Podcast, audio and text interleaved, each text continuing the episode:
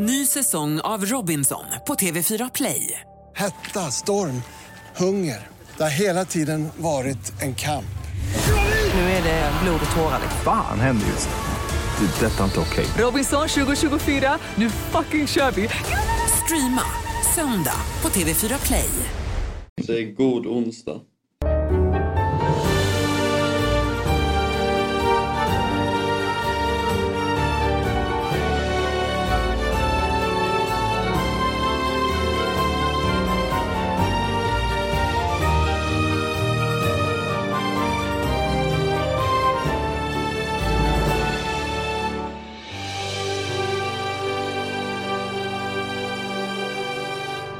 Onsdag på er där ute och varmt välkomna till eh, Big Six. Det är den 21 juni vecka 25 och eh, det nalkas ju midsommarafton här runt hörnet. Eh, men innan det så ska vi prata lite Premier League i vår Big Six-podd och som ni hör så är det inte Jesper Hoffman eller Fabian Jalkemo som programleder idag utan det är jag, Karl Hultin och det är lite så att det är sommarveckor nu och då får sommarvikarien hoppa in. Eh, och med mig har jag då plockat in Oliver Thomas Jernberg och Viktor Enberg. Två eh, eminenta Premier League-konnässörer eh, där ute och tillika dobbkollegor till mig. Så jag börjar hälsa välkommen till Oliver Thomas Jernberg en, efter Citys trippel och Ja. allt vad det innebär. Hur är läget? Det är bra, väldigt bra.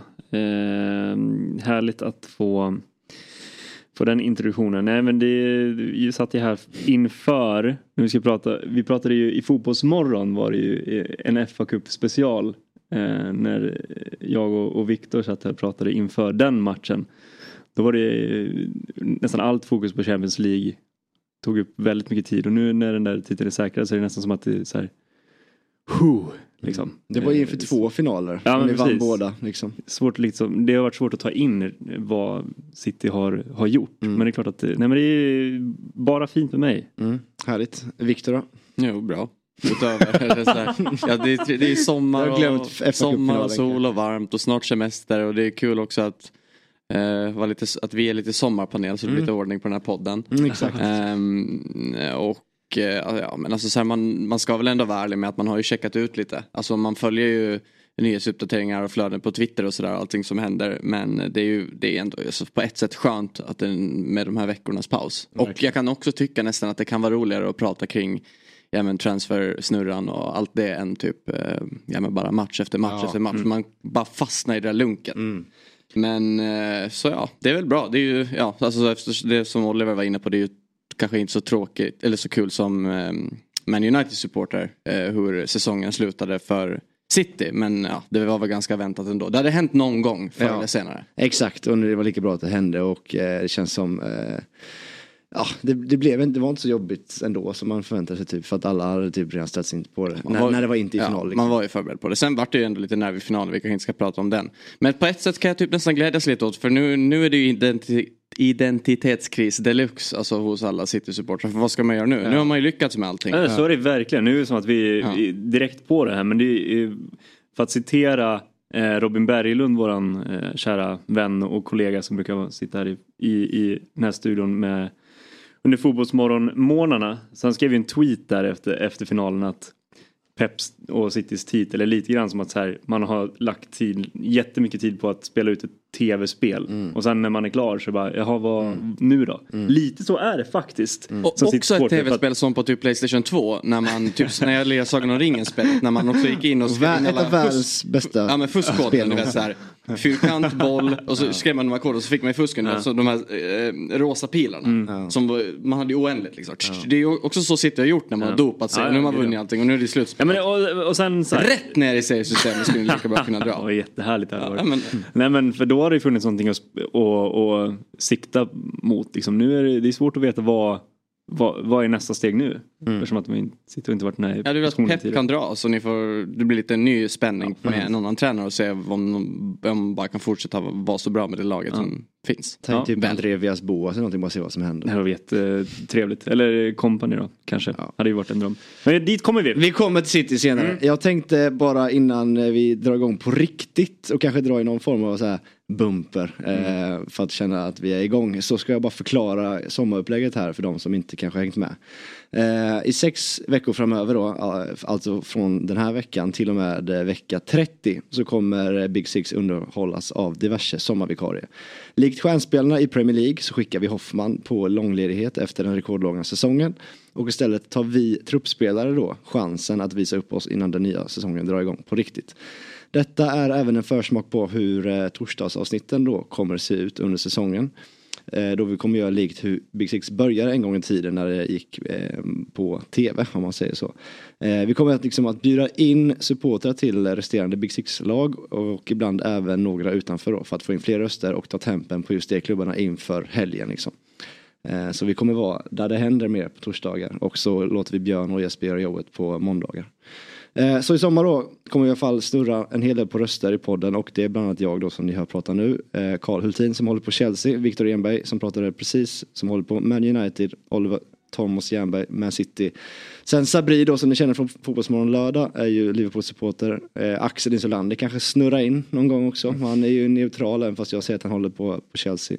Eh, och sen har vi Myggan också från eh, Fotbollsmorgon som också är en Liverpool-supporter. Och sen så eh, förmodligen så ringer vi upp eh, många kända röster också eh, som täcker resterande lag där ute. Så det är lite hur eh, sommaren kommer se ut nu när, eh, när Hoffman har gått på, på långledighet. Eh, det kan vi väl unna honom lite ändå. Ja, lite kanske. ja. Eh, men vi drar väl igång den här skiten och eh, sätter tänderna i silly season-sommar framför allt.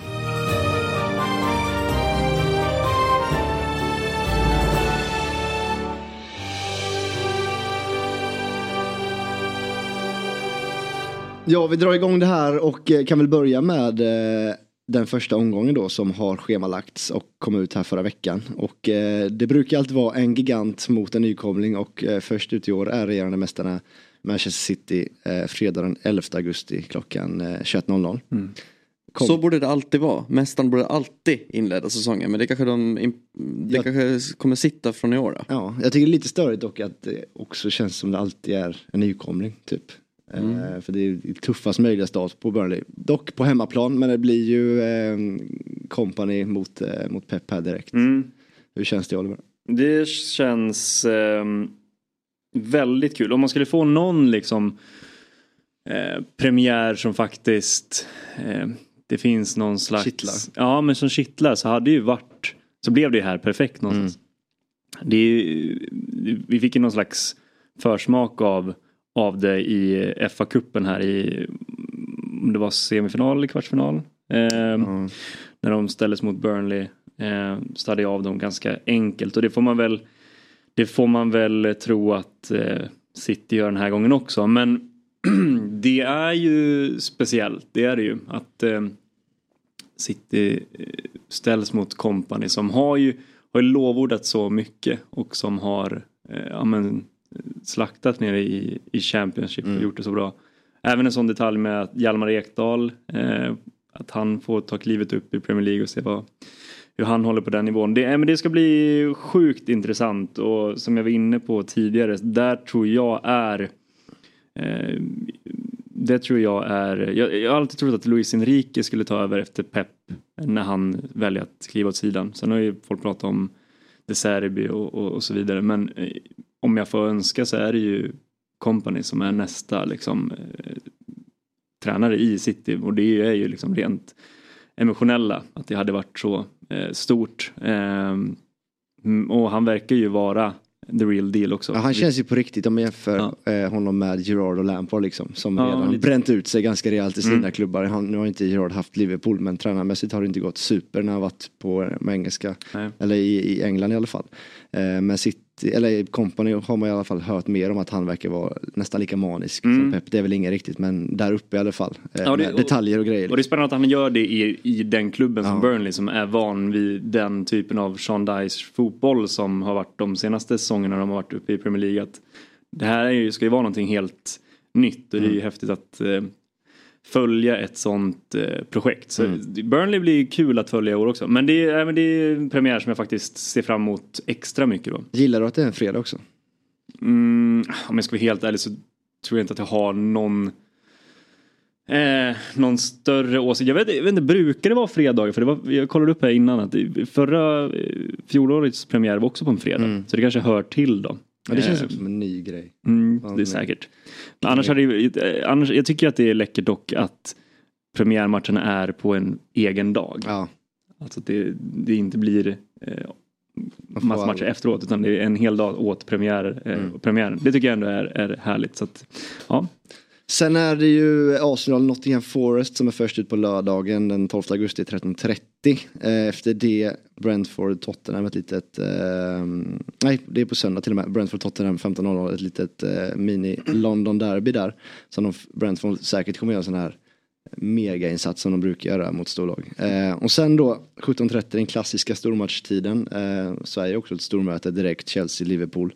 Chelsea på hemmaplan. Och det känns eh, ändå ganska skönt att kunna riva av den eh, så fort som möjligt. För att eh, just idag har man ju ingen aning om ens hur Nej. Chelseas trupp kommer se ut. Och hur Pochettino kommer att, hur det kommer se ut under honom. Och då vill man typ, det känns som det alltid kan gå precis hur som helst i sådana här möten när det är premiär. Eh, och Liverpool har vi haft det svårt, svårt mot senaste åren. Eh, det har väl nästan alla. Men att bara få den avklarad. För att då, om man torskar den som Pochettino i hans första match i Premier League. Det gör ju inte så mycket när det är Liverpool på andra sidan. Liksom. Å, å andra sidan, vilken eh, push liksom det Mm. hade kunnat bli för det laget som, som kanske då vinner den här matchen. Det är ju två lag som kommer från liksom, säsonger som de är besvikna över rent Mm. prestationsmässigt och resultatmässigt.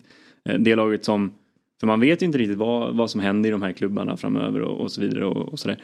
Eh, att vinna, att gå ut mm, på att vinna mot en sån här stor eh, men, drake på andra sidan. Det kan ju ge en rejäl skjuts i rätt riktning på eh, säsongstarten i alla fall. Så det, är- det blir ju otroligt eh, spännande att se.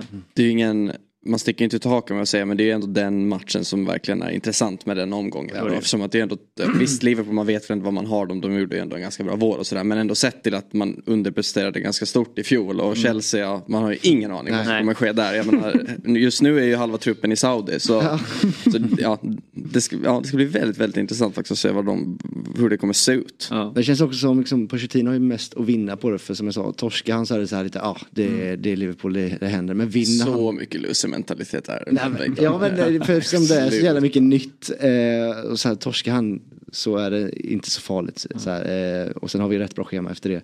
Men vinner han dock som du sa då blir det sån jävla boost direkt. Mm. Att, Ja, satt, han, vi, har, vi har satt tränaren, vi har satt eh, ja, Mm. spel, nyförvärv och allt, allt möjligt. Sen då eh, United, Victor, ni får vänta ända till eh, måndag kväll. Eh, 21.00 match. Det är också en favorit avsparkstid. Eh, att ha, Alltså speciellt att i... vänta ut hela omgången. Ja men speciellt i typ slutet eller början av säsongen. Eftersom att när allt drar igång i augusti det är ju fortfarande så helger när man har väldigt mycket uppbokat och det är kräftskivetider och vad det nu är. Ja men... Ja, ja, ja. ehm, Jag hör dig. Ja. Så det, det är verkligen perfekt med måndagsmatch. Ja. Väldigt, väldigt Man trevligt. får den helt eh, egen Ja, på ett fat. Men vad, vad, vad är känslan där då? det är väl en bra premiärlott ska jag säga och en match som man ska vinna.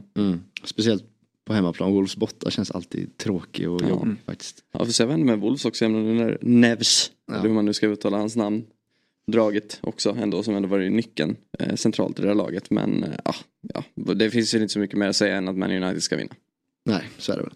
Ehm, klara övergångar då går vi vidare eh, innan vi kommer till eh, ja, silly season-delen då som kanske är den matigaste i det här avsnittet. Eh, Manchester City har skrivit ett streck på Oliver. Det är väl, i, jo i och för sig, igår så eh, kom det väl ut att Cancelo och City i alla fall bryter kontraktet. Mm. Eh, Det är väl ingen eh, superskräll. Var som att jag knappt kommer ihåg att han eh, fortfarande tillhör City liksom. nej, så fort han har lämnat så hade man nästan glömt honom typ. Ja, och det är ju ingenting som kommer smärta heller egentligen. Utan det, Vann nu- ändå dubbla ligatitlar i år. Ja, det är ändå, det är ändå en, kul för honom. Ja. Tråkigt att han missar. Hatad i två eller lag men ändå vunnit två ligatitlar Ja. en säsong. Det är ändå en bedrift. Och han är ju sån här- sån här spelare, eh, om vi ska stanna till bara lite snabbt med honom. Vad är det för lag som kommer gå efter honom nu? Barcelona. Tror du det? Alltså Ja, kanske. säkert. De Det väl är ju en riktigt bra fotbollsspelare men det är liksom att, att bocka i att hamna i bråk med två klubbar Mm. under en säsong det är ju starkt gjort. Om man. Landar han inte i Saudi också då? Jo, så, Kanske. Känns som man kan säga så om vilken spelare som helst. Men där ska man väl säga också att det är streck just nu när vi spelar in men jag när det här släpps så kan det lika gärna vara så att Kovacic är klar. Jag såg precis innan vi tryckte på räcka så skrev Fabrizio Romano att det är klart. Så Okej. att, eh, Det kommer väl presenteras när som helst egentligen. Ja men det såg man eh, verkligen komma. Ja, Eventuellt- Kevin Phillips sitter säkert inte och jublar asmycket över den Nej, värvningen va? så är det nog. Han Men har nog inte jublat också- jättemycket den här säsongen överhuvudtaget. Ska du dubblera Gindogan i ett labb så får du ut Matteo Kovacic typ. Mm. Så att eh, lämna Gindogan så har de ju en perfekt ersättare ja, snart klar då. Verkligen. I Kovacic. Det är väl eh, poäng eh, eh, facitet som skiljer sig ganska kraftigt åt. Men annars är de ju väldigt lika i spelstil. Verkligen. Eh, nej, det är väl en perfekt ersättare. Jag tror att det är väl eh, det är mycket snack om Gundogan som har, ja men kontraktet har ju gått ut men det har ju liksom inte kommit någon officiell eh, Det for- går väl ut farväl. alltid första juli tror jag. Ja precis, Eh, men det har ju inte kommit någon liksom Nej. officiell farväl Nej exakt. eh, ja, men, eh, text eller video som det brukar komma. Så att så här, det, det kan väl vara så att han eh, eh, kan bli kvar i City men jag ser det som väldigt otroligt att han skulle bli klar. Det känns som att han, han är färdig med sin City-sektion. Avslutade ju ganska bra också. Det får man säga. Jag trodde att han skulle lämna redan förra året när han sköt hem ligatiteln. Men, eh, nej, men som du säger, det, det är väl inte jättemycket mer att säga än att det är väl en utmärkt eh, ersättare. Helt enkelt. Vi går vidare till Arsenal då och eh, där står det också just nu ett streck eftersom inget officiellt så här, eh, ingen spelare släppts. Men, Men... eh. Xhaka tänker du på eller? Nej men jag tänkte säga, Da- David Ornstein på The Athletic skrev nu, precis också innan vi tryckte på räck för typ fem minuter sedan, att, eh, att det finns en agreement nu mellan Arsenal och Chelsea kring Kai Havertz för 65 miljoner. Så det lär väl eh, kanske vara klart när vi släpper det här också. Varför spelar vi in nu? alltså, vi skulle väntat två Ja, timmar. så här kommer det här vara hela sommaren. Ja. Ja, säkert. så är det väl. Eh, men eh, jag tänkte i alla fall på Xhaka som det snackats om typ sen säsongen blåstes av att det är Leverkusen som väntar för honom och där eh, verkar de också vara så här, "Ah, men, ja, no hard feelings, liksom så här, tack för allt, eh, nu släpper vi dig typ. Eh, men vi, vi kommer in på Kai Havertz-soppan eh, lite senare. Eh, vi går vidare till eh, Manchester United då, som släppt Axel Tuanseve. Hur känns det, Viktor? Ja, men det är ju trist såklart. när det är en grabb som kommer från leden och ändå han har ju varit med så länge. Han har varit med så länge men ändå inte.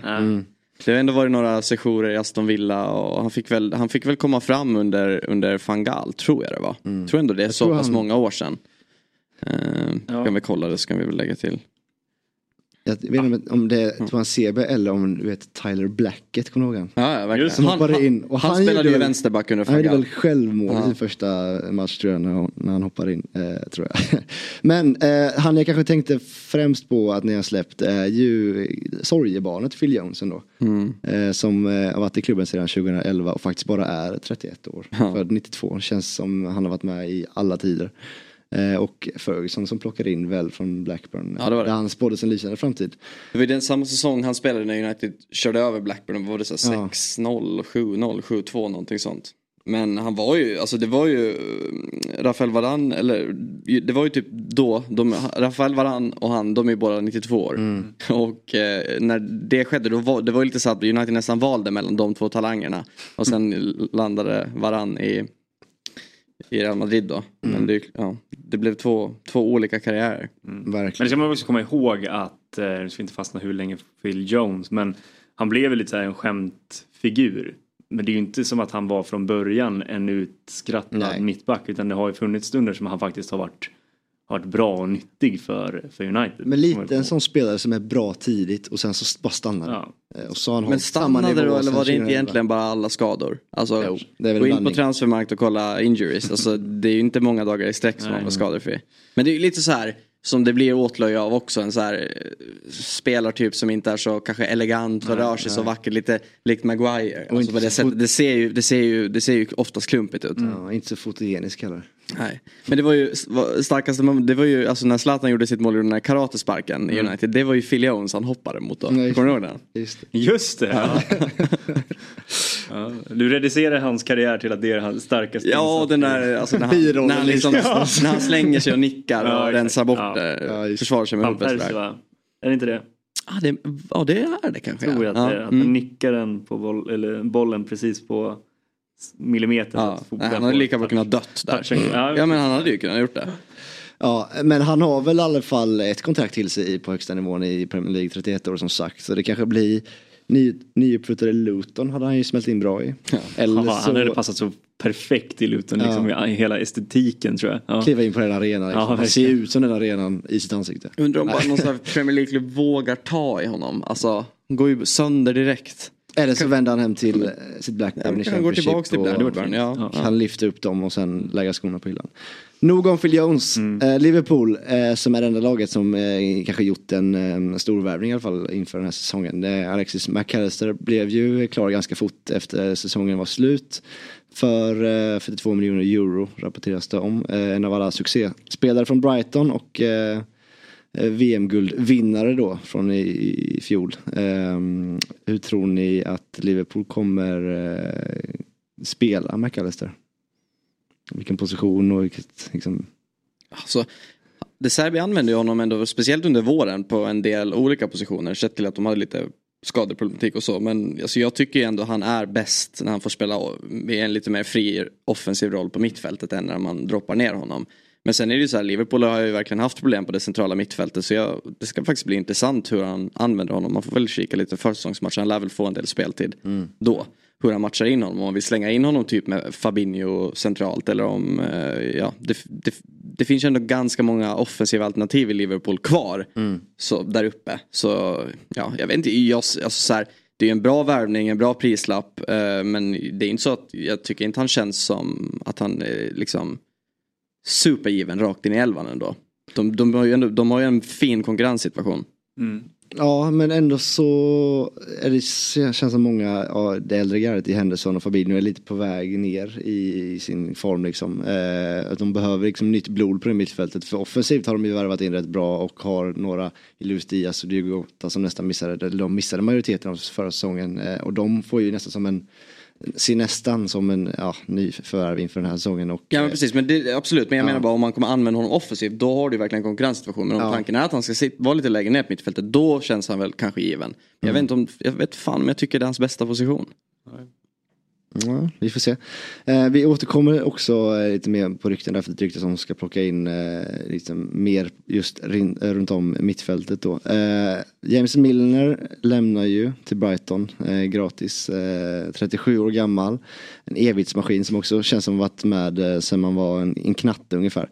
Men det var ju Först när man såg att han skulle till Brighton så var det lite så här att man, man ögonbrynen eh, höjdes på en. Men jag tycker den har satt sig mer och mer och det känns som de, eh, de gör något smart här Brighton. Vad säger du Oliver? Ja men det är, så är det väl. Jag tror inte att han, man, jag tror inte man ska förvänta sig att han ska eh, starta varje match och ska liksom leda laget på planen liksom. Utan jag tror att det, det, här är väl, som säkert du tänker på, att det här är väl en, en, en spelare som ska, ja men en ledare liksom i ett, i ett annat ganska ungt Brighton och eh, även eh, ett lag som inte, vi ska komma ihåg att som inte varit så länge liksom eh, uppe i Premier League och har Premier League erfarenhet och liksom de har redan tagit ett eh, ett steg fram i klubbens eh, ja, men, eh, var, var klubben ligger någonstans. Och då är det väl perfekt att, att få in en, en sån här typ av spelare som har varit med så pass länge, har vunnit i princip allt, vet exakt vad Premier League innebär och eh, ha en sån, en sån spelare i laget. Det är väl super, eh, superviktigt. Också tror jag att, alltså så här, han kommer he- han har ju helt säkert kanske på något sätt blivit kanske lovad någon framtida ledarroll eller ingå i någon stab på det sättet. För han känns ju verkligen som ett tränarämne tycker jag. Han har ju, nu hade han ju, han har ju ändå varit liksom, han har ju haft så många stora tränare och nu också gå under De Serbi och, och sådär. Så ja, jag tror Vilka jag, otroligt bra tränare han har haft under ja, sina Men han sina hade ju år. dock aldrig pepp. Han hade aldrig pepp, Ändå känns han för trög för att bli tränare själv. ja, Tror du? Ja. Nej, jag tror på honom stenhårt alltså. Det känns som att Ja, vara ja. en fotsoldat som är Nej. bäst i världen på att ta instruktioner men kan kanske. inte eh, ge ut in- instruktioner själv. Jag tror inte alltså. Jag tror det finns, jag tror det finns mycket i honom. Jag menar, eh, och jag menar de, Lalana finns ju också i truppen som har liksom, väl framgått att han har ändå varit på något sätt lite delaktig i den, den delen också av det. Så Han jag känns smartare direkt. tycker det. Ja. Så jag, tror, jag tror ni underskattar James Miller alltså. Han har varit perfekt Det finns som mycket militär. kompetens där också. Och springa ut och ta order liksom, ta, göra skitjobbet. Eh, vi får se, men eh, ja, det, jag tycker det känns, det känns kul att han får en, en fin eh, sista sejour i Brighton. Eh, Tottenham går vi vidare till och eh, där lämnar Lukas Mora som typ bara blivit eh, en tråkigare historia efter varje säsong så gått. Känns som sen han liksom sköt dem till CL-final med tre mål mot, mot Ajax. Eh, Dejan är helt klar också eh, för dem permanent. Eh, har skrivit eh, ett längre kontrakt än nu. Men framförallt har de ju fått en, eh, en ny tränare, eh, grek, australiensaren, Anje Postecoglou. Eh, som man på förhand, jag har aldrig hört namnet innan. Nej.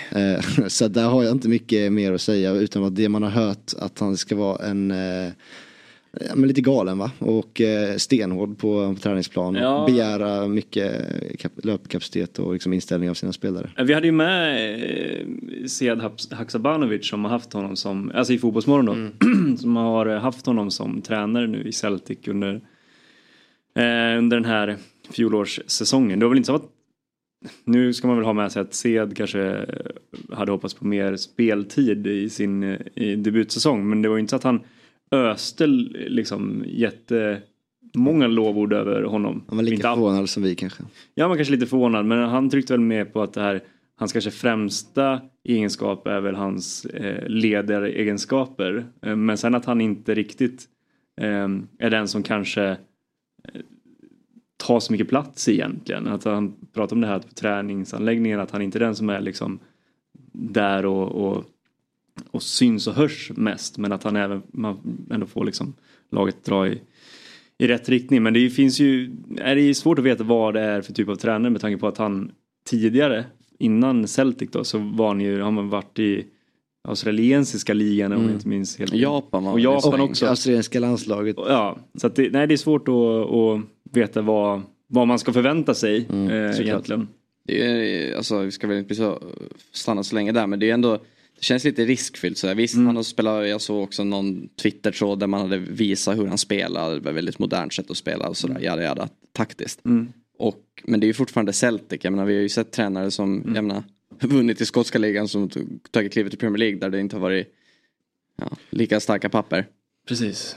Och nu, gjorde ju, nu gick ju Brendan Rodgers tillbaka också Mm. till Celtic. eh, för att kanske hitta, ta upp få Men- faten igen. Men kring Spurs, alltså och hela deras sommar, det kommer väl ändå bara handla om vad som händer med Harry Kane. Hade jag varit Harry Kane och den här eh, australiensk-grekiska herren hade klivit in, då hade alltså, så här, jag hade nog känt att man ju- hade ju hellre velat haft typ en nag- Nagelsmann eller så. Ja exakt. Eh, men att sen- man matchar hans ambition Mm. lite och för att nu liksom Harry Kane är ju överlägset liksom den största Mm. i det omklädningsrummet. Eh, eh, när han, Anje Postecoglou kommer in liksom. Eh, så att vad, vad, vad säger er magkänsla eh, om Harry Kane?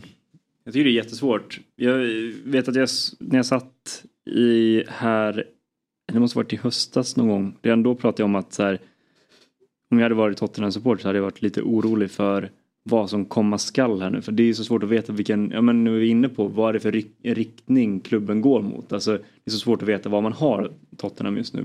Och, och det har ju lite varit så de senaste Länge. säsongerna. Eh, och mycket av det, är det som du säger Viktor, det är cirka, alltså, kretsar ju kring vad som händer med Kane. För inför varje sommar så har det ju känts som att ja, men nu är det väl dags. Nu, han kan inte stanna kvar i, i, i Tottenham som det inte, liksom, det sker ingen riktig satsning. Eh, men han har ju blivit kvar och frågan är väl, alltså han kanske är den här eh, enklubbsmannen som eh, på den höga nivån liksom, som vi inte ser knappt i världsfotbollen längre. En sån som stannar i, i ett lag där kanske troféerna inte haglar men det finns någonting annat som driver dem. Liksom. Vi, får väl se. Jag tror väl att eh, det finns väl ett Manchester United som eh, skriker efter en, en anfallare annars. Så att, eh, Ja, det, har ju varit min, det var ju min spaning sedan länge. Ja. Att han kommer gå dit sommar. Men jag, det verkar ju som att det ska krävas höga belopp Mm. och att de är väl inte super eh, sugna på att släppa honom inom England. Och det senaste kring Real Madrid-ryktet är väl att Real inte vill lägga ut så Nej, mycket pengar. precis. Efter de värvar Joselu nu tillbaka Ja. för så sa väl också eh, Perez att det blir vår enda värvning den här sommaren. Det, det kanske man inte ska... Men vart ska, vart ska han gå? Är Nej men det finns ju inte något. Är det också han sitter väl kvar, han har, sitter väl, han har väl ett år kvar på sitt kontrakt. Han kommer väl spela ut och så lämnar han gratis i så fall tror jag. kanske. Ja. Det hade ju nästan varit eh, sorgligt. Eller så här, ja, alltså, beroende på vart han går. eh, Det är alltid det som är snacket runt om honom är att liksom, han ska slå målrekordet Mm. i, i Premier League. Och eh, Ja, han har ju redan slagit i Tottenham, de kommer inte vinna några stora titlar, så är det ju bara. Mm. Alltså, det är ju bara inse fakta. Ja, alltså så här, det är ju lätt för mig nu att sitta här och vara raljant, men fan, om han drar nu, tacka honom för det ni fick. ja. Alltså, finns ju inga krav på honom att i den här moderna fotbollen att han ska sitta kvar där resten han drar till. Saudi nu.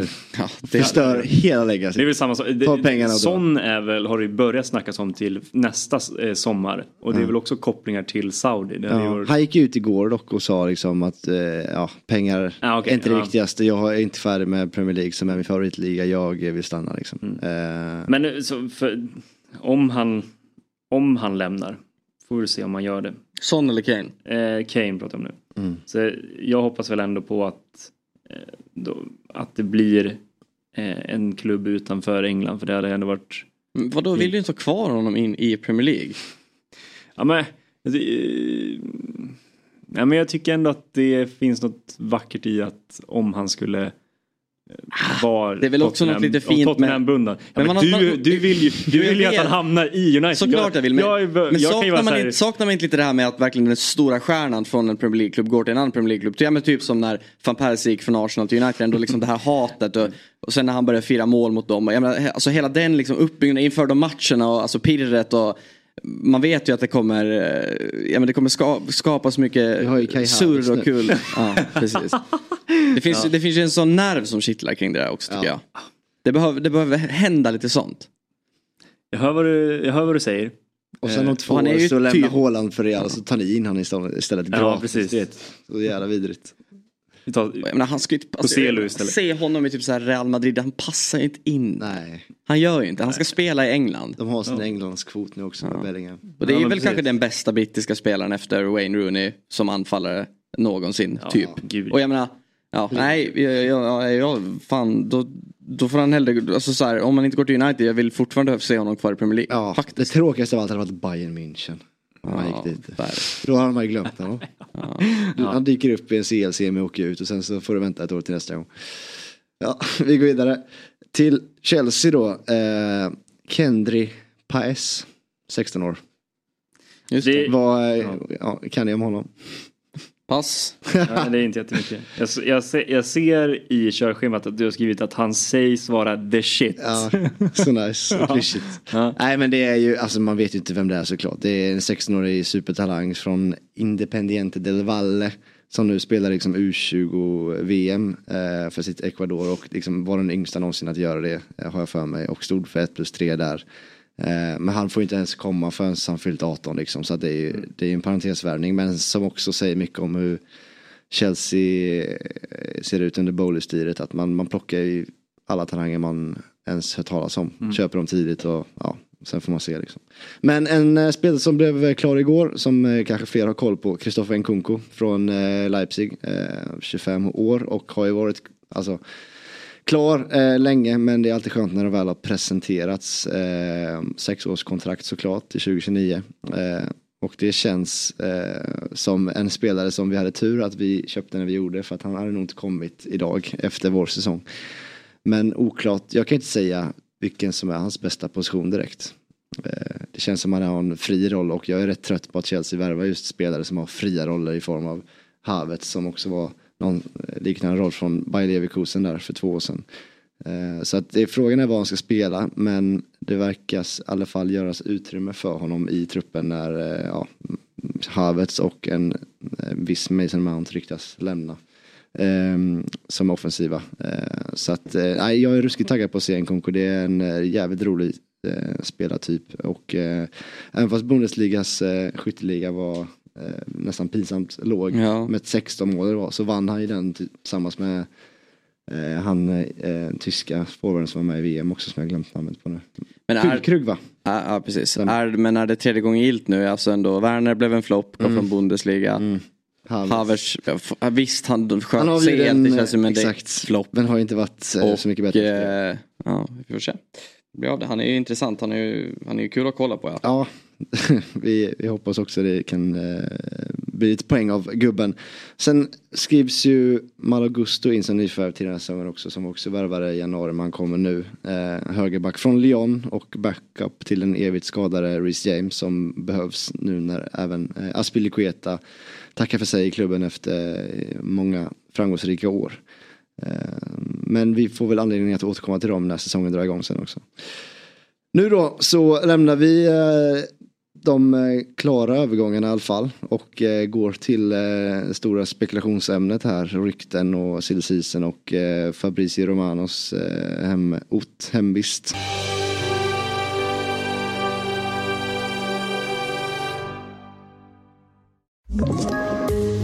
Poddtips från Podplay. I podden Något Kaiko garanterar östgötarna Brutti och jag, Davva, dig en stor dos skratt. Där följer jag pladask för köttätandet igen. Man är lite som en jävla vampyr. Man har fått lite blodsmak och då måste man ha mer. Udda spaningar, fängslande anekdoter och en och annan arg rant. Jag måste ha mitt kaffe på morgonen för annars är jag ingen trevlig människa. Då är du ingen trevlig människa, punkt. Något Kaiko, hör du på Podplay. Därför är gardinerna.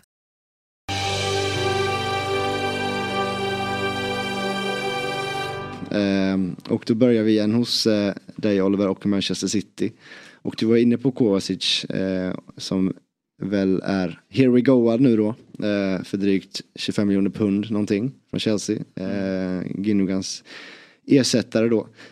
Men en annan som det pratas om är ju den kroatiska mittbacken slash vänsterbacken från Leipzig i Josko Gvardiol. Vad har du hört om honom? Eh, nej men det, det pratades ju om honom redan, jag vet inte om det var förra sommaren eller om det var, jo, jag tror att det var så tidigt som förra sommaren. Eh, då så gick, så gick man väl inte för honom för att det till slut blev för dyrt. De skulle väl upp mot 90 eh, miljoner euro. Ja, eller de någonting sånt där. Vill ha ju rekordsäljare. Ja, precis. Honom. och någonstans så, eller det snackas ju om att det är eh, samma siffror den här gången. Eh, vad det rapporteras om så ska ju egentligen City och spelaren vara ganska överens om eh, eh, ja, men de, de parterna emellan. Men det är ju Leipzig som vill ha, om som du säger, rekordsummor. Så vi får väl helt enkelt se. Jag tror inte att det är jag tror inte att det är eh, någon slags eh, så här, han, vi, vi, vi lastar allt på den här spelaren för jag ser inte heller att, att den positionen är ett Nej. akut behov på. Det är inte som att förra sommaren när det var så tydligt att eh, vi ska ha en anfallare och det är Haaland som vi går för. Utan det här är väl, det är klart en, en, en spelare som skulle spetsa till laget väldigt mycket men det är ju inte som att det känns som att herregud, City står inte och faller på ifall vi skulle säkra Guardiol eller inte. Nej, mittbackar finns det ju gott om. Ja, alltså precis. allt från Ake, Akanji, Laporte, Diaz, Stones. Mm. Är väl de, eh, är de vi glömmer. Sen kan ju liksom Kyle Walker spela en treback typ. Eh. Ja, Men precis. vem tror du i så fall liksom man skeppar först om man får välja? Mm, vi ska väl, vi kommer väl in lite grann på lite med andra rykten som, som cirkulerar kring, kring City, hur eh, Pep tänker ställa upp eh, sitt lag, eller forma sitt lag. Eh, men Walker kan man väl i och för sig räkna ut, det känns som att det är där eh, han kommer att lämna. Det är så Tror du pass, Jag tycker det är så pass mycket spekulationer. Även fast Cancelo liksom lämnar. ja, men, han kommer spela med sin treback eller vad man ska kalla det och så skjuta fram Stone som han har gjort nu. Eh, Walker har gjort det otroligt bra när han har fått spela. Nu ska man komma ihåg att han inte, var inte så att han var given i startelvan under hösten nu utan han fick egentligen hoppa in när Cancelo försvann. Mm. Eh, men jag tror att han kommer att lämna. Jag tror att Laporte kommer att lämna. Eh, om Guardiol eh, ansluter så tror jag att det kommer vara Eh, beroende på vem, vilka andra de plockar in men då tror jag att det kommer vara Diaz, eh, Guardiol och Stones i den trean där bak. För sen tror jag att de eh, siktar på att landa ett, annat stort eh, namn som Mhm. ska spela eh, jämsides med Rodri. Mm. Ja, vi snackade om det lite här på, på kontoret och eh, man blir nästan arg av tanken eh, som icke-City-supporter att eh, vi pratar då om Declan Rice som liksom alla storklubbar i England egentligen drömmer om typ och Arsenal den här sommaren har ju varit ryktats mest om att de vill ha honom. Mm. Men det hade varit så typiskt om, om City eh, bara liksom från ingenstans kniper honom framför ögonen på Arsenal. Liksom. Eh, och då så när vi la upp uppställningen framför oss var det Mm. liksom att ja, då kanske inte Stones behöver kliva upp utan Nej. han kan eh, gå ner som mittback och så sätter man Rice i Stones-rollen som man liksom hittade på eh, nu under våren. Typ. Mm, och då får du en spelare Eh, som- bredvid Rodri och Ja, sen precis. Diaz och Stones bredvid varandra i försvaret. Liksom, vad är det för sinnessjuk fyra man ställer Ja. upp på som på defensivt liksom, Mm. ja. Mittfältet bakåt liksom. Ja vi får väl se och då får man ju dessutom en, en spelare som är skickligare offensivt än vad Stones är så kan man få den uppspelsfoten och det är drivet längre ner banan så att det, det är en lösning. Det är obehagligt. Det är ju, ja det låter ju på förhand väldigt eh, bra. För att, för- till en början när man hör, eh, ja men det är ju liksom trovärdiga källor som, som rapporterar om att City är där och visar sitt intresse och eh, ja, men försöker ändå kapa den här affären. Eh, sen får vi väl se. Eh, jag vet inte om, om det blir så. Men eh, annars om det inte blir så, ja men då kommer väl Stone spela på den positionen som har, han har spelat den här våren och så får vi se om det är Guardiol som spelar där tillsammans med i så fall Diaz och Akanji eller Ake. Och det är ju inget eh, dåligt eh, försvar det heller. Om du hade varit Declan Rice, Viktor, Mm. och hela Big Six-skaran vill ha dig, vart går du då? Mm, alltså, man, man, har- jag får välja fritt. Ja. Ja, men det är väl klart jag går till City. Ja. Men det är ju också så här. Alltså jag tror på något sätt att han, vart han än går nu, det, jag tror inte han kommer vara en så dominant. Och jag tycker, jag tycker han är lite hypad ändå. Men så här, han är ju verkligen en så här spelare som är så otroligt bra i ett mittenlag. Som han är. Jag tror inte han kommer kliva in och vara dominant. Det beror lite på, det känns som att Pep ska kunna använda honom på bäst sätt. Också. Men eh, jag vet inte, jag, jag är ändå så här, alltså jag tycker inte han är värd de där pengarna. Nej, miljarden. Mm. Det är väl ingen, Det är lite det av är väl av allt och alla kostar såklart. Men ja. ja, det är väl klart man hade gått till City ändå. Ja. Det var det ja, vad jag tänkte nu, om de kliver in i bilden så, så blir väl säkert hans tankeprocess kort. Eh, om man får välja på Arsenal och City. Men det är ju lite av ett sorgebarn för alla Chelsea-fans för han är ju liksom fostrad i våra led men blev ju ratad som typ 13-åring. Mm. Eh, gick då till West Ham och efter det har han gjort succé när han väl kom upp i seniorlagen liksom. Och då har ju sen dess, hans debut, och det egentligen ryktats att, att han ska plockas hem igen. Liksom. Ja. Och varit nära, tror jag också, jättemycket. Jag har ju alltid snackats om det och eh, eh, liksom, så länge vi var i Champions League och och Arsenal var eh, utanför så känns det som att ja, men vi tar han nu eller nästa Mm. sommar, nu eller nästa sommar. Och sen så liksom har ju Boden ändrats Mm. plats nu. eh, Liksom, när eh, vi blev jättedåliga under Bowley, eh, Arsenal plockar in Arteta och blir hur bra som helst. Och helt plötsligt är de i pole position. Mm. Så det är ju en av de liksom så här, mest störande Mm. sakerna som gnager i mig eh, fortfarande. Liksom att om han presenteras med en Arsenal-tröja istället för en Chelsea-tröja så kommer det bli någonting man kommer föra Mm. resten av livet nästan. Så att jag, ja, då säger jag nästan också City bara för att så här, så här, det är bättre än, än Arsenal i alla fall. Ja, liksom. Jag, tror, jag tror att det i slutändan kommer att bli Arsenal med den anledningen att han, eller att Arsenal eh, behöver, ja. eller ett större behov och egentligen tror jag vill ha spelaren mer än vad City gör. Ehm, så får vi se, det kommer väl bli ett, eh, ett, en dragkamp om honom. Så det blir spännande att se. Men jag tror att som det verkar så är det ju eh, det är ju på gång liksom och, och bud från Arsenal har ju lagts fram så att vi behöver nog inte vänta hur länge som helst på att han ska göra sitt val. Att, eh, Det sägs också typ att när man har läst då, så här roman och, och liknande journalister liksom med, någon, med, med, med bra trovärdighet att, liksom, att han eh, liksom, vill till Arsenal. Han har Mm. valt eh, det, det är bara klubban som ska komma överens och där är West Ham såklart. De väntar väl in ett budkrig bara det, för att få ut så mycket stålar som möjligt. Mm. Eh, Så vi får se var det slutar. Ut då lite snabbt. Eh, Silva, eller Cancelo har vi redan varit igenom men jag har skrivit ner Mares, Bernardo Silva och Walker också. Mm. Eh, vad tror du sker med, med Mares och Silva? Eh, Mares tror jag definitivt eh, rör på sig. Bernardo Silva har ju... inte han mer eller mindre klar för någon Saudi-klubb Jo, också då? det är Och PSG snackas det också om. Ja, PSG har också Silva. snackats om men han kommer nog lämna City. Ja. Det är ganska... Det känns som att han har varit på gång bort länge. Ja, och samma sak med Bernardo Silva. Han har ju också... Ja, det var han jag menar. Jaha, du pratar om Bernardo Silva. Okej. Eh, Nej men ex- exakt, det det är ju lite grann som... eh, Ja, Jag pratade om Mahrez. Ja, det var Ja. jag som missförstod tror jag. Eh, nej men Bernardo Silva har ju, det är ju samma sak som Gundogan. De senaste åren så har det ju det, det kommer rapporter på att de själva ville ha en ny utmaning.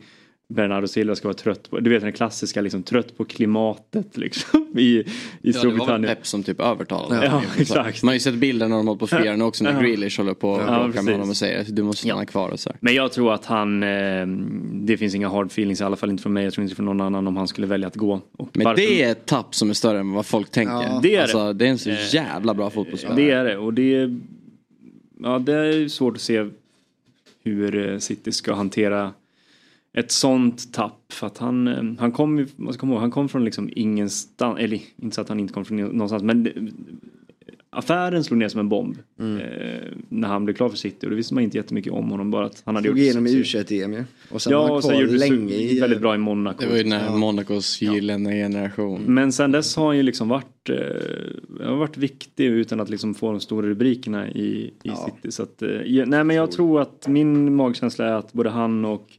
Mares eh, rör på sig och, och, och som varit inne på Walker och Laporte också och Gündogan. Eh, så det är många som ska ut, många viktiga spelare men, och som gjort mycket för City men jag tror, att, jag tror också att det, är- det där vill Pep Mm. åt någonstans. Han har ju gjort den här modellen tidigare att när de liksom är, när hans lag är på toppen, eh, de har vunnit liksom, då, då ska den här eh, växlingen till. För att det ska inte in någon mättnad utan det viktiga är att det ska liksom in nytt folk och, och. Så att jag, jag tror att det kan hända en del. Eh, Ja, det känns som rätt timing och, och eh, vädra ut lite. Ja men precis. Ja, vi går vidare. Jag tänker att vi, vi fokar kanske mest på våra tre klubbar eh, det här avsnittet för vi håller redan på att bli ganska långa. Mm. Men vi stannar till då eh, lite snabbt vid Arsenal och Havertz situation eftersom det är en väldigt stor nyhet då. Eh, och du var inne på det Viktor att han eh, är väl i princip också here we go för 65 miljoner pund va? Mm, eller Eh, han vill inte here we go men att det, det finns Ja. ändå ett agreement mellan honom och Arsenal. och det dök Och ju han verkar ju sugen. Ja, lite Ändå. som en bomb i början av veckan eller om det var slutet på förra att eh, han verkligen är keen on the, on the move som det ofta står. Eh, och att Arsenal, som man inte hört någonting innan om så här, skulle vara intresserad av Havertz, eh, verkar vara väldigt sugna på honom. Och jag blev väldigt fundersam första gången jag hörde det för att så här, han har ju, man har ju bara väntat och väntat och väntat på att liksom, det ska släppa för Havertz. Mm. Och efter CL-avgörandet där så trodde man att nu jäklar blir han, skriver han in sig i historieböckerna eh, framöver också, utöver det då. Men eh, var ju inte alls bra i fjol, som, eh, eller i fjol, förra säsongen, eh, som många andra också inte var såklart. Eh, och har väl bara ett, max två år kvar på kontraktet tror jag och verkar inte som han vill förnya med Chelsea. Så att ska man vara logisk och tråkig så är det väl helt rätt läge för Chelsea att släppa för att få in de här pengarna. Som vi är i, i behov av också för våra financial fair play böcker.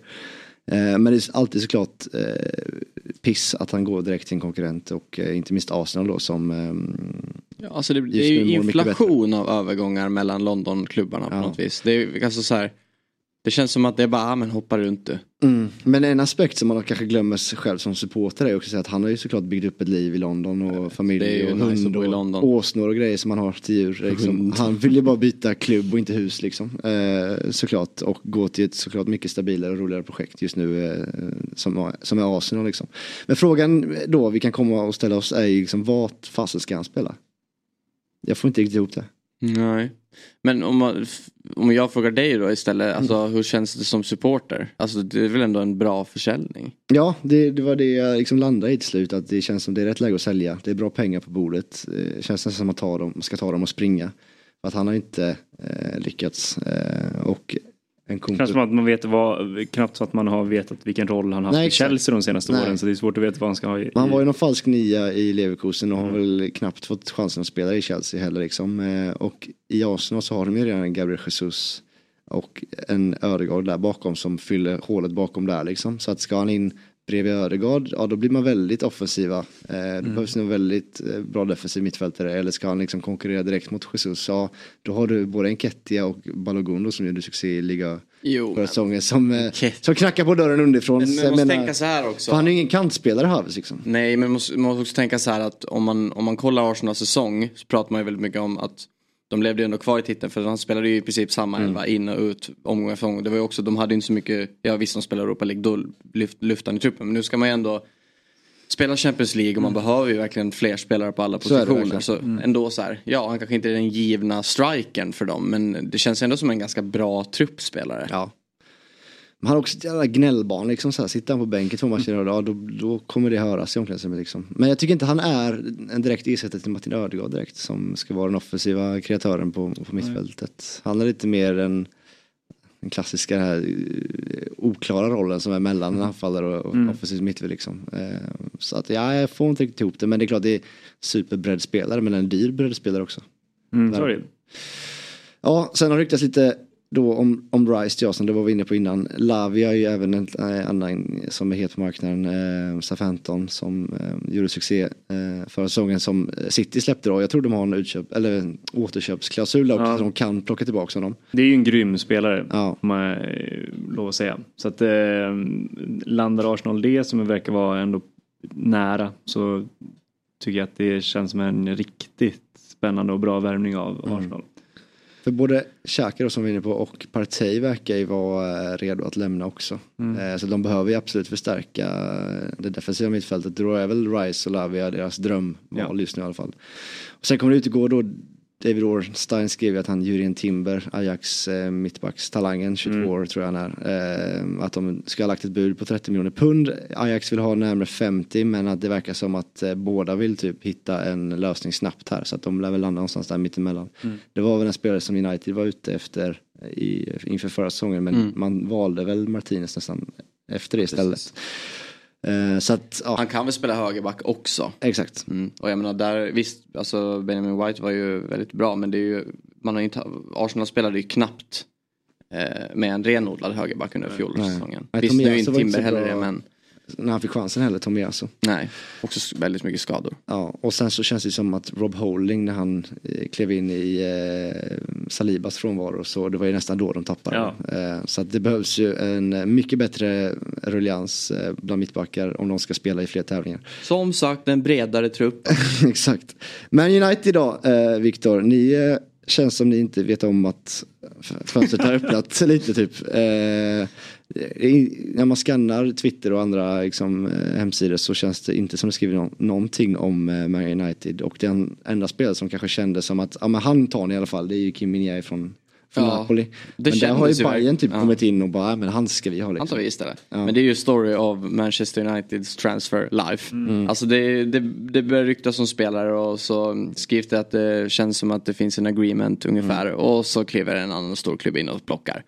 Och så här, jag trodde verkligen på det där. Det kändes bara, fan vilken bra värld. kändes helt ja, klart. Alltså, men ja, ja alltså en, det behöver ju värvas en mittback. Det behöver värvas en anfallare. Alltså där är, ju, där är det verkligen Mm. prio, prio. En målvakt, alltså det, känns, det beror lite på vad som händer nu med de Gea.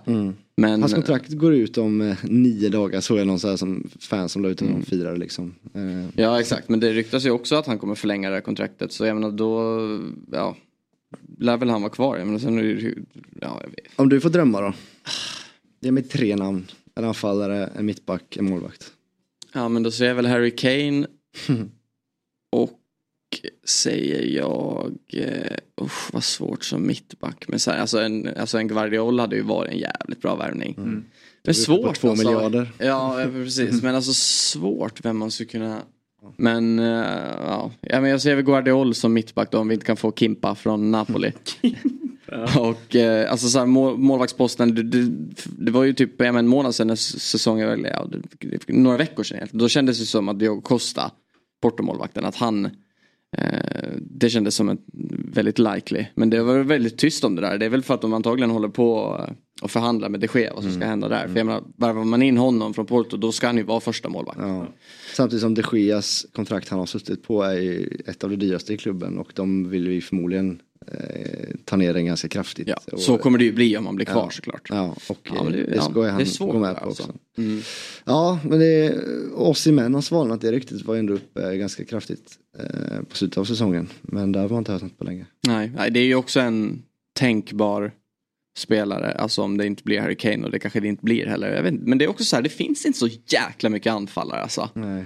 Och ska man ner några snäpp då är det ju succédansken Rasmus Höjlund. Man Mm. liksom, jag stör Ska mig. man, där har det ska, man ska förlita sig Ja men på jag stör honom? mig på det. Liksom, visst han har gjort nio mål i sin debutsäsong Ja. i Serie A. Men det är ju inte, alltså hur bra är det Nej, men han kommer ju aldrig Alltså, skjuta en titel nej, till nej, United. Alltså det, det, behö, alltså det måste ju, det måste vara en kommer inte riktig bära det Och det känns som att det finns... Ni behöver garanti nu när ni Ja, det känns som att Ars, eller United har gått på sådana där minor Ja. tidigare. Att någon, någon spelare som har...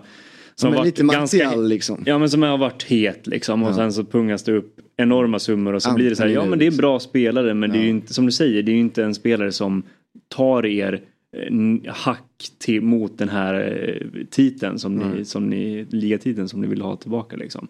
Så att det, även det, det är en svår Det behövs fråga. en, liksom, en van Persie från Arsenal-värvning och det är Ja. väl Harry Kane då. Ja. Men Mm. det, är, ja, det känns som att det kommer bli en lång saga. Och sen, sen ska man ju också säga, sen är ju liksom klubben mitt inne i ett ägarskifte också. Mm. Att ja, det kanske är en, en, en förklaring på att Ja. det är så pass det tyst. Att man vet, vem är det som ska satsa de här pengarna just nu? För där ryktades ju om att de här katariska ägarna som ryktas till överklubben att de nu har liksom, eh, vad heter det, ja men startat ett bolag i, i England liksom att det kom ut. Mm. Eh, och Så så jag menar, det sker, verkar vara på gång typ. ja, sker det? Jo men det var, alltså, jo men det, det, alltså, det, det är mer rutingrej. Fast Mm. bara för att man lägger ett bud, det måste man göra. Som jag förstår det. Så det ska man ändå inte. Men jag menar om det här ägarbytet hade skett tidigare under våren då tror jag att Då hade då hade, ju- då hade Ja. United Ja.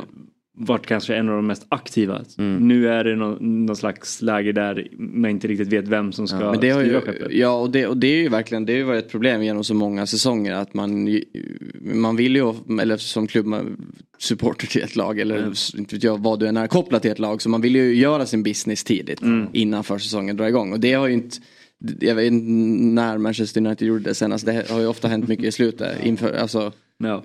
jag menar många gånger när säsongen redan har börjat. Mm. Och det känns ju som att det kommer ju landa så i år också. Och det är inte varje år man får in liksom Varann och Casemiro heller i sent på fönstret. Liksom. Nej. De brukar inte, Nej. det inte, brukar inte vara de typer av värvningar. Då är det mer en Anthony som man pungar upp otroligt Precis. mycket för i, eh, i panik Mm. liksom, på slutet. Ja, så vi får, ni får väl eh, lösa er eh, ägarfråga först och sen eh, kanske det rasslar till. Ja, och så- Sitter Guardiol och Kane där. helt så ska det ju ändå rensas väldigt mycket. tror Ja, jag. så ska det också. Eh, Liverpool lite snabbt och jag var inne på att eh, McAllister är ju klar såklart och eh, att de eh, ryktas förstärka fler, med fler spelare på mittfältet. Då är det främst eh, Kefrem Turam. Har ni koll på han? Det, Du läser direkt från köret där. Det är ju Ja.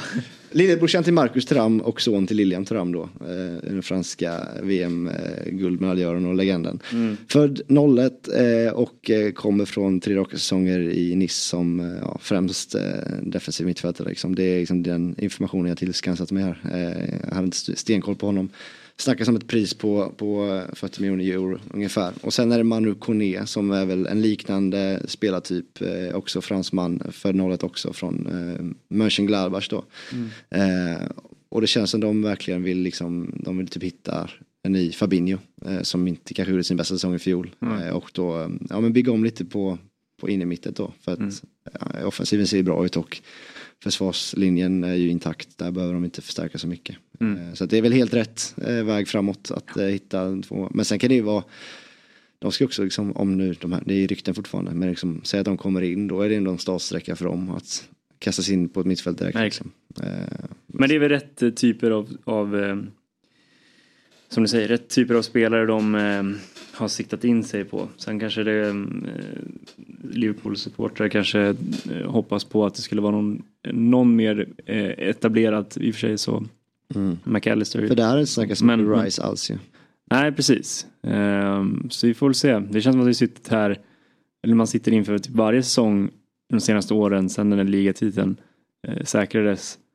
Och har varit så här, Liverpool känns spännande inför nästa säsong. Alltså med, så här, hur ska Klopp eh, ehm, bygga om det här laget? Hur ska ehm, ja, men den här generationsväxlingen eller, eller den här trean här framme som nu bara består av Salah som var liksom den här pulveriserade eh, det mesta i sin väg under flera säsonger. Eh, och sen ett mittfält som ska byggas om. Nej, det, det, blir, eh, det blir spännande att se. Eh, jag tror nog att det kan, det kan nog komma lite mer fler namn på den där eh, ryktena är- in i Liverpool ju mer, eller ju längre det- går den här sommaren. De har det är det också- jag förväntar mig att det blir. De har ju också en ny sportchef, Jörgen Schmatke som varit i Wolfsburg i, i fyra eh, säsonger innan. Eh, så att det är väl, eh, det är hans första fönster också. Så att det är kanske därför det tar lite tid. Tottenham tänker jag att vi har pratat om ganska mycket med nya tränare Kane. Eh, Son nekar eh, Saudiarabien och säger att han vill fortsätta. Eh, Dajan är klar och, och vice versa. Eh, vice versa. Nej men eh, och så vidare. Eh, vi kommer väl till eh, Chelsea då som det när det är silly season alltid snackas nästan mest om. Eh, för att vi har ett par galna ägare där. Jag har sparat godiset till sist. Ja verkligen. Men vi har också en ny tränare då i Maurizio Pochettino och han verkar få eh, vara med och bestämma en del vad det verkar. Om man ska tro på alla, allt som skrivs. Men det konstigaste riktigt kanske av alla är Nicholas Jackson. har, ni, har ni sett det namnet flyga förbi? Eh, nej. Jo, jag tror det. Ja. Jag känner igen Jag hade inte en aning om vem det var när det stod att ah, Chelsea eh, Kan du ge mig, kan vi quizza lite, ge mig någon liten ledtråd nu? Senegales. Ja men okej, fan det hjälper mig inte så mycket. Anfallare. Kommer han från typ någon portugisisk klubb? Nej. Nej. Du tänker på den gamla i, vad Jackson heter han? Martinez. Jackson Martinez. Ja, det kan- Porto Strike. Ja exakt. Ja just det. Ja nej. Eh, I alla fall, det är, det, det är så märkligt. Det känns som att man nästan har koll på, inte varenda fotbollsspelare såklart, men om det ska till Chelsea i alla fall, eller någon stor klubb. Och de ska ha en ny anfallare. Det är sällan du inte vet vem de vill ha in. Liksom. Det brukar alltid vara stora namn. Men så jag fick, helt, jag fick verkligen googla från, från scratch här och det är en anfallare i, som spelar Villarreal till vardags varit där typ tre säsonger. Ja just det, Villarreal. 01, eh, landslagsspelare för Sen- Senegal också. Och det känns, eller det sägs att vi redan triggat eh, klausulen på eh, 35 miljoner euro eh, och erbjuds ett eh, långtidskontrakt såklart. Eh, men liksom med vår urusla historia av anfallare eh, och Lukaku lär inte spela vidare, Havertz är på väg bort. Ska liksom hoppet sättas till Nicholas Jackson då från eh, Jag tror typ Marcelo pratade en del om honom i Euro. Ja, ni, Ja, men det är lite här. Därför jag känner igen namnet, men jag hade likt- aldrig kunnat satt det. Vi vill ju likt eh, Man United ha garanti när det kommer till anfall. Vi borde i alla fall tänka så att den, den positionen måste Mm. vi sätta i år. För att det är ju alltid dåligt eh, på den positionen hos oss. Och ändå landar man i sådana här diffusa namn. Liksom. Sen kanske det är en, en ny Drogba liksom, som man alltid pratar om. Men det känns ju absolut inte så på förhand. Eh, men priset är väl hyfsat billigt. Eh, men då känns det som att det ska till ytterligare en anfall nästan så att man inte han bär all, bör, bär all börda själv liksom. Eh, så jag vet inte om en Kunko är tänkt som Ja, form av liksom, falsk nia också. Eller Ja. de, ska, de ska dra det ihop, det lasset. Mm. Så vi får se. Eh, men det, den, är, den verkar vara på ingång den eh, som en eh, eh, ja, övergång. Mm. Eh, Moises Caicedo verkar också bli eh, klar för Chelsea i eh, veckan faktiskt. Eh, dyra summor nämns, eh, 90 miljoner euro, runt miljarden. Eh, men eh, är ju en av alla Brightons succégubbar. Och liksom, jag tycker alltid det är läskigt när man värvar en spelare efter en säsong. Sådär. Mm. Eh, sen var han ju bra i VM också. Men, eh, och, ja, men jag tycker det jag vill alltid se dem eh, som Declan Rice typ, som varit bra i fyra, fem säsonger. Mm. Och de verkar ju också typ kosta nästan lika mycket. Varför går man inte på den förlorade sonen då istället för Moises Caicedo? Mm. Ändå så här förlorade son när han lämnade klubben när han var 13 år. Alltså fattar ni själv när man var det är väl 13 år. exempel. Jag vet, inte- alltså jag vet inte som jag var inne i puberteten när jag var 13 år. Nej, det var Rice. han var ja, fullvuxen man. Declan Rice hade liksom full skäggväxt när han var 13 år. Ja. Nej, men det, väl- vi förstår väl också att ni känner så med tanke på vad eh, er klubb eh, håller på med just nu. Liksom kastar ut en hov till allt som har två ben och som kan sparka på en boll känns det som lite grann. Eh, och spelare som som är lite i ropet. Ibland så träffar man rätt med en så blev, blev vi bra ändå får man ju säga. Och, men ibland så med en Mudrik så blir det inte så bra. Så att, eh, det finns väl något i det du säger. Men det är, det är ju en spelare som gjort det bra i Premier League. good. Vad sa du? ja. Eh, Nej men det är ju en spelare som gjort det bra i Premier League ändå. Så att ja. Ja, alltså, det tycker jag det är, en- det är en bra värvning om Chelsea ändå löser det. Jag, jag köper att man bara sett honom en säsong och sådär. Men sett till också vad man behöver. Ja, men nu Kanté försvinner, Kovacic försvinner. Ni ska väl... Borta. Liksom. Ja, Gallagher ska väl bort kanske. Ruben Loftus, alltså jag menar de spelarna håller ju inte måttet. Nej.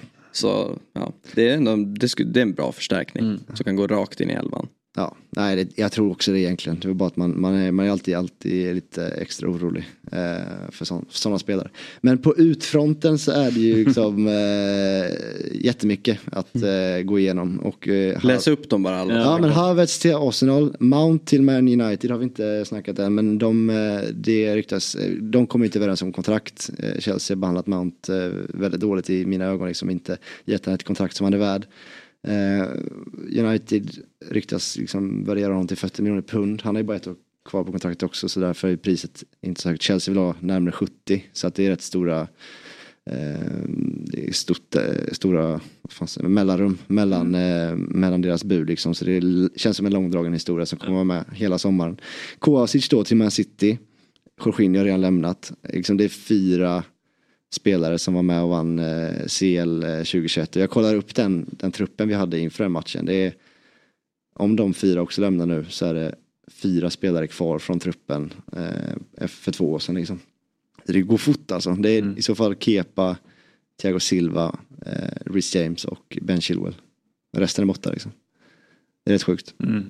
Eh, och sen har vi då hela Saudispåret som eh, många eh, supportrar och andra tyckare blivit galna över att eh, nu Bowley hittat en ny genväg att lura hela transfersystemet på. Eh, Kanté blev klar för Al Ittihad, Benzemas klubb, idag.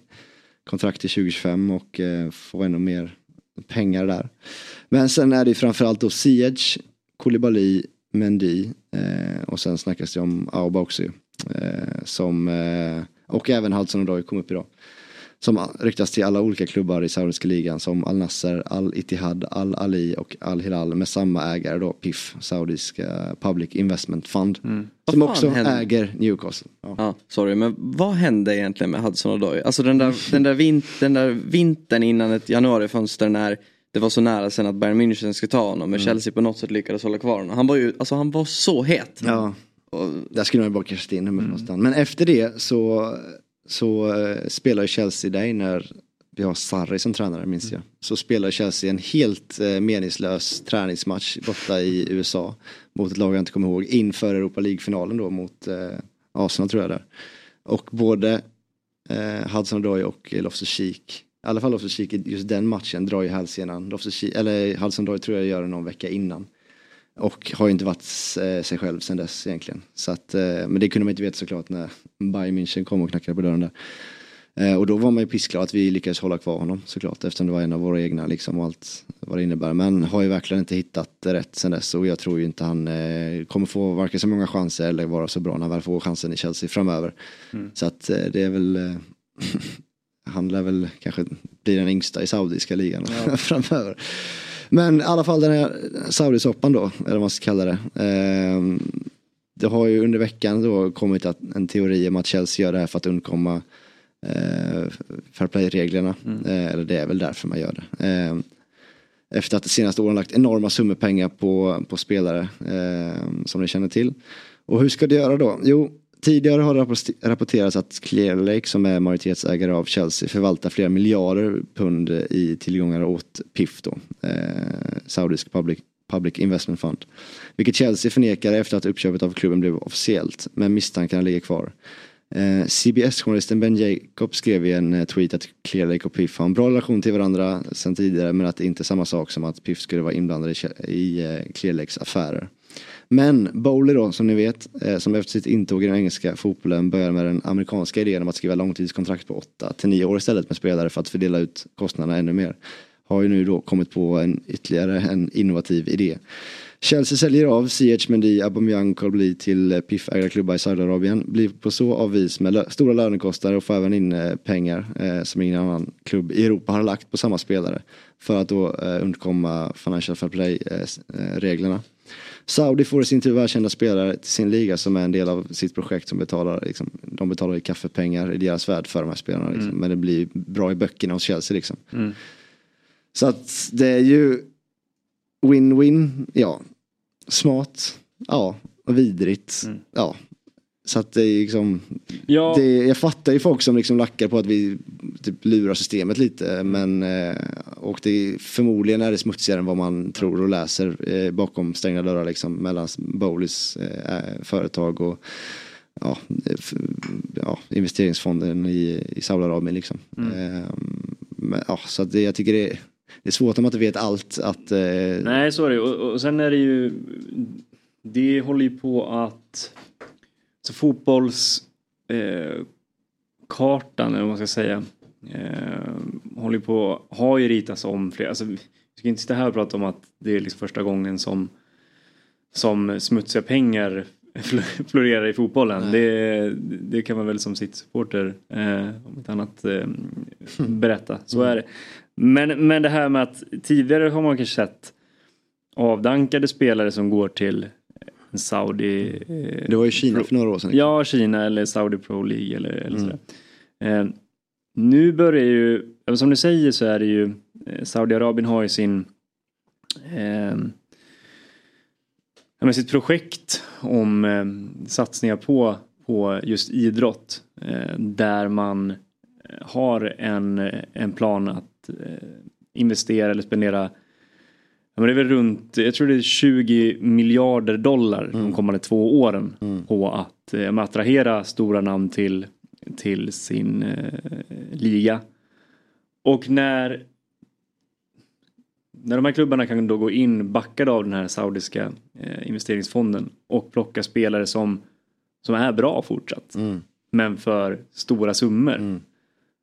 Då, då finns det ju, det är en ny, ny liksom spelare i, på marknaden. På marknaden. Eh, och ja, då finns det väl vissa klubbar som man kan prata om att det här kanske är smutsigt bakom liksom, eh, kulisserna. Men om man har en, en bra relation med, med eh, klubbägare eller en klubb i, i Saudi och du kan helt plötsligt bli av eller sälja en spelare som du inte riktigt har plats för. Nej. Men, men den här klubben kan hosta upp enorma pengar. Mm. Så blir det ett sätt, som, som du säger, att, eh, att eh, ja, men få in, eh, stora inkomster för, Ja. för ganska mycket dörrkött. Ja, exakt. Eh, och det där ser ut som att det kommer hända Ja, men- på flera olika håll i Europa. Men, alla, alla tre kom ju idag Ja. för, från Romanos sida också. I alla fall Ziyech, Koulibaly och Mendy. Så här, Mm. bara here we go, here we go, here we go. Ja. Som liksom, han bara slängde ut dem efter varandra. Som att de är, de är i princip klara liksom. Mm. Och det blir ju extremt stora eh, löner som försvinner också. Som, vi, som också spelare som inte levererat liksom. Så det är ju win-win spelarmässigt för oss liksom och i böckerna. Eh, men smutsigt. Ja, men smutsigt. Och det här har ju irriterat andra toppklubbar i Europa och eh, det står inte vil, vem eller vilka det är som eh, vill att hela den här soppan ska utredas då. Där Wolves är även ett exempel efter att Ruben Neves eh, från Wolves då är väldigt nära Al-Hilal för 47 miljoner pund liksom. Som det, är, det hade inte någon Nej, konkurrerande klubb i, i Premier League betalt liksom. Precis. Så att det blir lite som en så här en loophole typ. Ja. Eh, kasta ut dem där och få tillbaka så här mycket och sen så kan du skriva vad du vill i boken och sen så kan inte någon säga någonting om det. Men Mm. ja. Så det är rörigt och vill man, vill man jag läste precis en, en, en text eh, innan eh, om det här på ehm, Svenska fans Chelsea-sida som eh, Nils Olin skrivit. Så vill man veta mer, han skrev jättebra utförligt där, så tipsar jag om att gå in och läsa ännu mer där. Ehm, så är det väl dags för oss att runda av på den roliga historien. Mm. Eh, men vi, vi ses ju om en vecka igen, kanske inte alla vi tre, men eh, som sagt så kommer Big Six rulla på eh, under sommaren eh, en gång i veckan. Ehm, eh, så, och sen så efter det när eh, det nalkas Premier League fotboll igen i augusti någon gång så kommer Jesper och Björn eh, att eh, både gå igenom alla Big Six-klubbar lag för lag och sen ja, snacka upp säsongen. Så att eh, ni som eh, väntar på något gott eh, vet eh, att i augusti så, eh, så åker vi igen. Växlar du? Mm. Växlar vi upp. Vad härligt det ska bli att vi, under samma program, två avsnitt i veckan, du får, du får torsdagsavsnittet med supporterperspektivet och så får du måndagsavsnittet med de två experterna här och som är kanske lite mer neutrala då. Som Två av de mest likable vi har ute Ja. i eh, media. Nej, men det är- Bruset. Som sagt, växlar upp. Vi. Jag säger trevlig midsommar både till er två och till er som lyssnar. Så hörs vi om en vecka igen. Hej!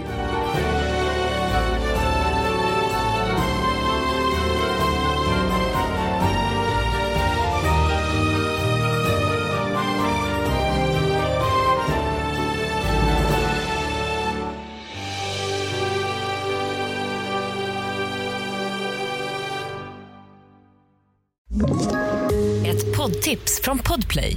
I fallen jag aldrig glömmer djupdyker Hasse Aro i arbetet bakom några av Sveriges mest uppseendeväckande brottsutredningar. Går vi in med hemlig telefonavlyssning och, och då upplever vi att vi får en total förändring av hans beteende. Vad är det som händer nu? Vem är det som läcker? Och så säger han att jag är kriminell, jag har varit kriminell i hela mitt liv men att mörda ett barn, där går min gräns. Nya säsongen av Fallen jag aldrig glömmer på Podplay.